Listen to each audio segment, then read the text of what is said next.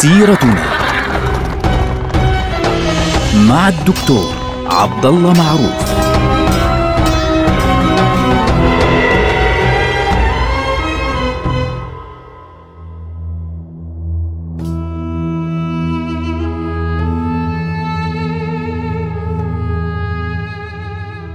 السلام عليكم ورحمة الله وبركاته. سيرتنا سيرة هذه الأمة، ونحن الآن في نهاية عهد الدولة العثمانية. في حلقات ماضية تكلمنا عن البلاد العربية وكيف دخلت في معمعة الانتداب والاحتلالات الفرنسية والإيطالية والإنجليزية وغيرها من الاحتلالات الكثيرة التي سيطرت على العالم العربي خاصة بعد سقوط آخر أجزاء العالم العربي من الدولة العثمانية وهي قلب العالم العربي منطقة بلاد الشام والحجاز ومصر والعراق عندما سقطت نهائيا خاصة بلاد الشام والعراق اللي هي آخر ما سقط بيد الدول الاستعمارية وآخر ما فصل من جسد الدولة العثمانية في أثناء فترة احتضار الدولة العثمانية. اليوم يعني نعود إلى منطقة الأناضول يعني ننقل الكاميرا إلى داخل منطقة الأناضول لنرى كيف يعني تغيرت الأوضاع في ذلك الوقت لتخرج فعليا تركيا التي نعرفها اليوم اللي هي دولة تركيا الحديثة. في ذلك الوقت كانت يعني الدولة العثمانية تقسم بالكامل بين مثل الكعكة تقسم بين الدول الأوروبية وكانت الدول الأوروبية قد دخلت إلى قلب العاصمة إلى إسطنبول بكل قواتها وبكل طاقتها بشكل كبير. السلطان محمد السادس اللي هو محمد وحيد الدين. في ذلك الوقت كان يرى الدولة تسقط وتقسم أمام عينيه ويرى الجنود يأتون الجنود البريطانيين والجنود الفرنسيين ينزلون في وسط إسطنبول لحق بهم الجنود الإيطاليون كما ذكرنا في حلقة ماضية. ونزلوا في إسطنبول وأصبحت إسطنبول تحت الاحتلال المباشر. فالسلطان نفسه اللي هو الخليفة كان لا يستطيع أن يتحرك بأي شكل من الأشكال. وهذا الأمر سيكون له دور كبير. في آه، تغيير نظرة السلطان إلى هذه المناطق وسيكون له دور فعليا في سقوط الدولة بشكل كامل. الذي يهمنا هنا أن السلطان محمد وحيد الدين في ذلك الوقت كان يفكر كيف يمكنه أن يقاوم هذا الوجود الجديد. طبعا نحن تحدثنا عن هدنة مودروس التي رفضها السلطان محمد وحيد الدين ومن بعدها معاهدة سافر آه، وغيرها من الأحداث. تكلمنا عن ذلك في حلقات ماضية. الذي يهمنا اليوم هو الحديث عن ما يسمى في الأدبيات التركية يسمى حرب الاستقلال. حرب الاستقلال التركية أو الحملة الوطنية على فكرة تسمى كذلك. هذه الحملة الوطنية أو حرب الاستقلال دامت ما بين التاسع عشر من شهر مايو اللي هو خمسة عام 1919 حتى الرابع والعشرين من شهر يوليو اللي هو شهر سبعة عام 1923 اللي هو إعلان الجمهورية التركية. في آه، حلقات ماضية ذكرنا أن أحد القادة الذين يعني صدع اسمهم في هذه المرحلة اللي هو مصطفى كمال كان قد خرج. طبعا أول مرة ذكر اسمه في ليبيا ثم بعد ذلك كان موجودا في فلسطين يعني أثناء الحملات العسكرية البريطانية في عام 1917 في آه، فلسطين ثم بعد ذلك انتقل إلى منطقة الأناضول. هذا الرجل نظر إليه السلطان محمد وحيد الدين نظرة أنه يمكن أن يكون الشخصية التي يمكن الاعتماد عليها فعليا لإنقاذ ما يمكن إنقاذه في هذه المرحلة. طبعا اليونان في هذه المرحلة كانت قد سيطرت على المنطقة الغربية في إزمير وأرمينيا سيطرت على الجبهة الشرقية فرنسا أخذت المنطقة الجنوبية بالكامل إضافة إلى بريطانيا وإيطاليا وجزء من الفرنسيين طبعا كانوا يسيطرون على إسطنبول. فتقسيم الأناضول في هذه المرحلة كان واضحا فعليا. طبعا بعد احتلال إسطنبول كما ذكرنا في حلقة خاصة باحتلال إسطنبول خرج عدد من آه، الشخصيات السياسية من إسطنبول وانتقلوا إلى وسط الأناضول تحديدا إلى منطقة أنقرة. وهناك قاموا بتأسيس ما يسمى بالجمعية الوطنية الجمعية الوطنية. وهذه الجمعية طبعا كانت بديلا من البرلمان. طبعا السلطان ما زال في إسطنبول لم يتحرك بهذا الاتجاه ومن هناك بدأت الأمور يعني تدار في أنقرة لماذا؟ لمواجهة القوات التي تمثل قوات الحلفاء في هذه المرحلة. طبعا السلطان محمد وحيد الدين في ذلك الوقت كان يعلم أن تركيا يعني وجودها لازم بالنسبة للدول الغربية بالنسبة لهم لن يسمحوا بسقوط تركيا بالكامل وتفككها بالكامل. فبذلك يعني كانوا يخافون طبعا من روسيا في هذه المرحلة أن روسيا إذا استولت على الأناضول ستكون كارثة بالنسبة للأوروبيين في غرب أوروبا. وخاصة اللي هو عندنا مضيق البوسفور مضيق الدردنيل. فلكن ما الذي كانوا يريدونه؟ كانوا يريدون تصغير قوة تركيا ويعني جعلها دولة آه، صغيرة على أنقاض الدولة العثمانية. طبعا محمد وحيد الدين كان يرى أنه لابد من أن يستفيد من شخصية يعني مهمة آه، في هذه المرحلة. فوقع اختياره على مصطفى كمال. مصطفى كمال شخصية آه، مهمة آه، قوي.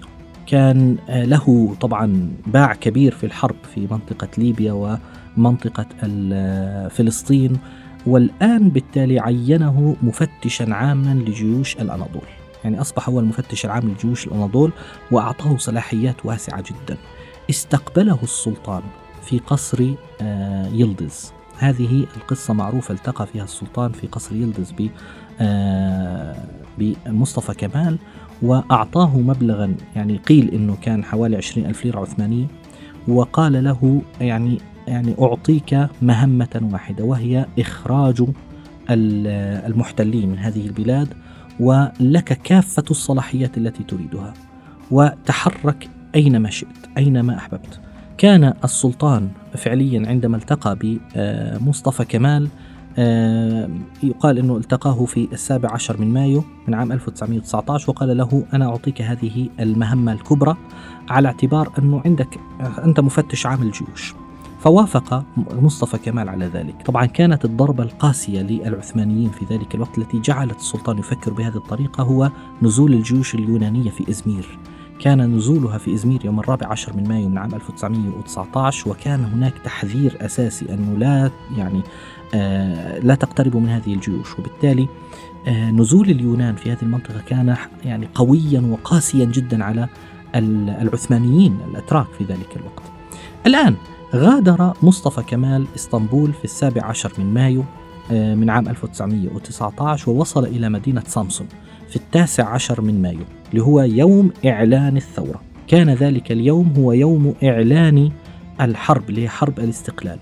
لذلك طبعا يوم التاسع عشر من مايو يعني له أهمية خاصة في هذه القصة اللي هي حرب الاستقلال التركية. فأعلنت الحملة الوطنية من مدينة سامسون عندما وصلها مصطفى كمال بعد يومين من خروجه من إسطنبول وأعلنت من هناك الحملة الوطنية وبدأت الحروب والمعارك بين مصطفى كمال ومن معه فعليا في هذه المنطقة والقوات البريطانية والفرنسية والإيطالية واليونانية أيضا طبعا هي قوات الحلفاء. طبعا الحكومة التي أقيمت في إسطنبول برعاية الحلفاء في ذلك الوقت كما ذكرناها في حلقة الماضية عند الحديث عن احتلال إسطنبول طالبت السلطان بإقالة هذا الرجل. يعني طلبوا أنه آه، يأتي إلى إسطنبول. هو قائد الجيش. آه، وزير الحربية في هذه الحكومة طلب منه أن يأتي إلى إسطنبول فرفض مصطفى كمال لأنه أعلن الثورة فعليا وبدأ يقاوم الحلفاء. الآن قررت هذه الحكومة إقالة مصطفى كمال وفعلا أرسلوا إلى السلطان يقولون له عليك أن توقع على هذه على هذه الإقالة. طبعا رئيس الحكومة في ذلك الوقت اللي هو فريد باشا كان اللي هو عين في هذه المرحلة رئيسا لهذه الحكومة.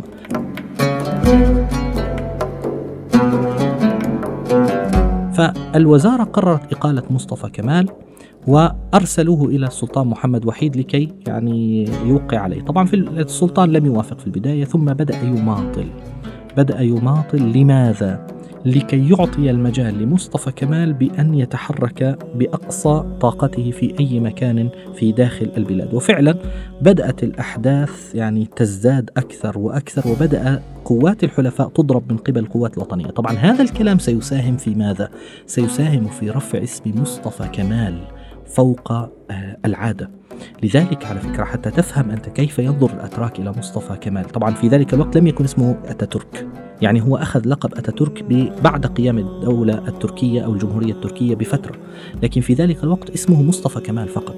فمصطفى كمال في هذه المرحلة صدر عليه حكم من الحكومة بأنه متمرد وعاصي آه، وحتى إنه جابوا له فتوى من شيخ الإسلام. فالسلطان بالمقابل أقال هذه الوزارة.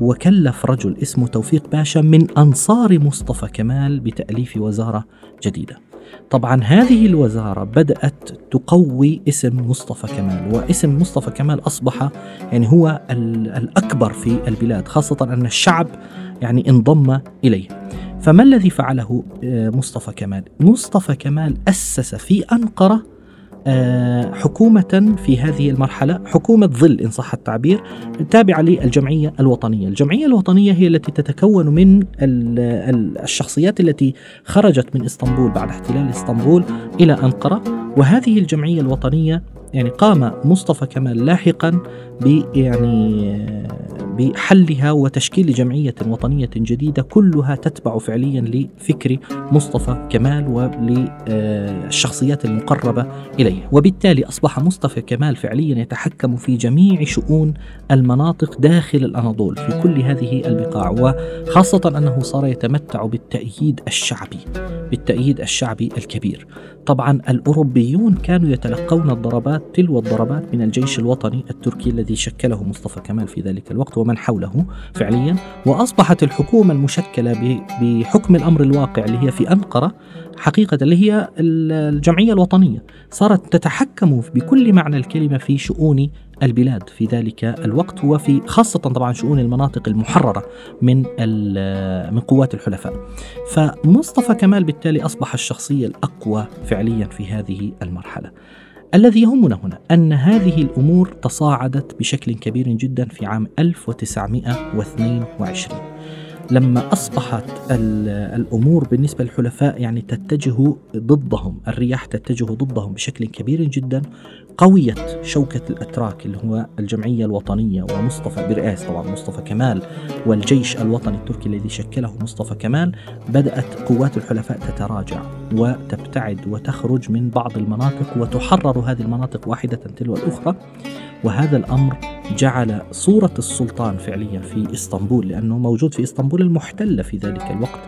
كانت صورة السلطان أضعف بكثير من صورة مصطفى كمال. الآن آه، يذكر بعض المؤرخين على خلاف طبعا. يذكر بعض المؤرخين أن السلطان في ذلك الوقت آه، دخل في خلاف مع مصطفى كمال على أن مصطفى كمال لأنه شخصية قوية جدا أرسل إلى السلطان يعرض عليه أن يتخلى عن الحكم بشكل رسمي. بمعنى أنه خلص يعتزل الحكم ويكون خليفة فقط لا سلطانا لا ملكا. بمعنى أن البرلمان الذي أنشئ فعليا اللي هو الجمعية الوطنية سمي أيضا المجلس الأعلى التركي آه، أرسل إلى السلطان يقول له إن نريد أن نستلم الحكم بشكل كامل وتكون الحكم بيد مصطفى كمال. طبعا بقوة مصطفى كمال في ذلك الوقت والسلطان لم يقبل بذلك. خاصة أنه يعني الأمر بالنسبة له كان يعني إنهاء وجوده كسلطان كحاكم. وبالتالي صارت الفكرة إما أن يبقى حاكما وخليفة أو أن يتخلى عن الحكم ويبقى خليفة فقط. فالسلطان رفض في البداية وأعلن المجلس الأعلى التركي في ذلك الوقت بعد يعني بعد تحقيق الاستقلال في هذه المناطق الكبيرة جدا يوم الأول من شهر نوفمبر. اللي هو شهر 11 عام 1922 أعلن إنهاء نظام السلطنة. يعني السلطان لن يعود سلطانا وإنما سيكون خليفة فقط. مجرد خليفة بالمعنى الرمزي للخلافة إن صح التعبير. اللي هو يعني الدولة العثمانية بشكلها الحاكم السلطنة بمعنى أنه هو الذي يحكم لن يعود موجودا وإنما سيكون له منصب شرفي ديني هو منصب الخليفة. فالسلطان محمد وحيد الدين رفض ذلك. رفض أن يكتفي بالخلافة المجردة من السلطة وأن تنتقل السلطة إلى أنقرة وقام بالتنازل عن العرش. تنازله عن العرش كان مع إصدار القرار بإنهاء نظام السلطنة في الأول من نوفمبر عام 1922 وسلم الخلافة من بعده إلى شخصية يعني غير معروفة كثير بالتاريخ اللي هو عبد المجيد ابن عبد العزيز ويلقب عبد المجيد أفندي. بعض الناس يسمونه عبد المجيد الثاني. فعبد المجيد ابن السلطان عبد العزيز يعني هنا انتهت الخلافة من أيدي أبناء عبد المجيد. ومن أبناء مراد الخامس وانتقلت إلى ابن عبد العزيز اللي هو عبد المجيد. فاستلم عبد المجيد اسم الخليفة لا اسم السلطان. يعني لن يعود هناك حاكم باسم الدولة العثمانية وإنما خليفة للمسلمين فقط. وبالتالي آه، طبعا السلطان محمد وحيد الدين أخرج من هذه البلاد ونقل إلى جزيرة مالطا في سفينة حربية يوم السابع عشر من نوفمبر آه، عام 1922 وانتقل بعدها إلى مكة ثم بعدها إلى سان ريمو واستقر في سان ريمو حتى وفاته في السادس عشر من مايو عام 1926 وبذلك تنتهي حياة السلطان محمد وحيد الدين اللي هو يمكن أن نسميه آخر حاكم عثماني ولكنه ليس آخر خليفة وإنما آخر خليفة هو عبد المجيد أفندي. نلقاكم على خير والسلام عليكم.